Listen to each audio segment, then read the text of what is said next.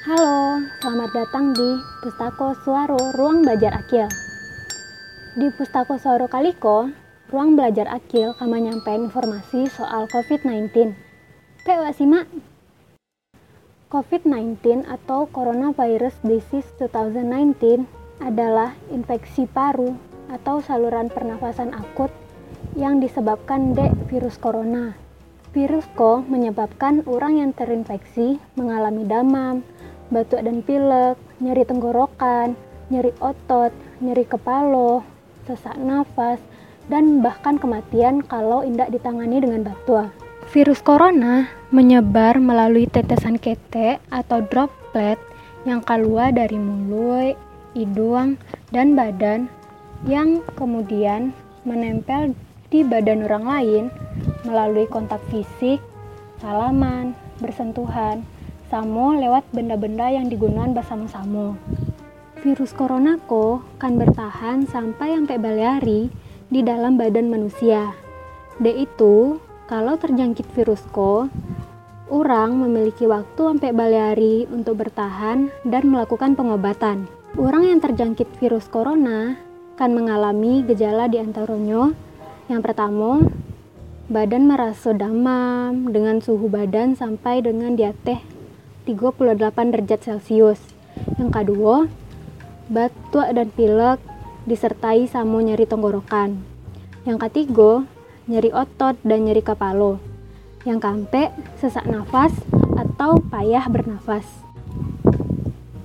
Selain itu, orang yang dapat diindikasikan terkena virus corona kalau sebelumnya pernah mengalami hal-hal di antaranya, pernah kontak sama pasien yang terkontaminasi, pernah pai ke negara terjangkit virus corona, pernah kontak sama hewan penular?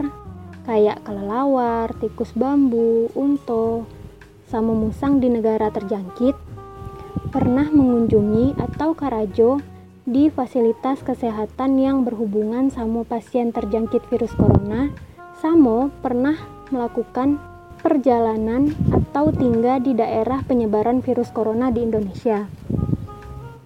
Awak dapat mencegah terinfeksi virus corona kok sama yang pertama rajin cuci tangan sebelum makan, siap makan, siap keluar kamar mandi, sebelum menjamah makanan, sebelum menyusui bagi ibu yang menyusui, sama siap beraktivitas di luar rumah.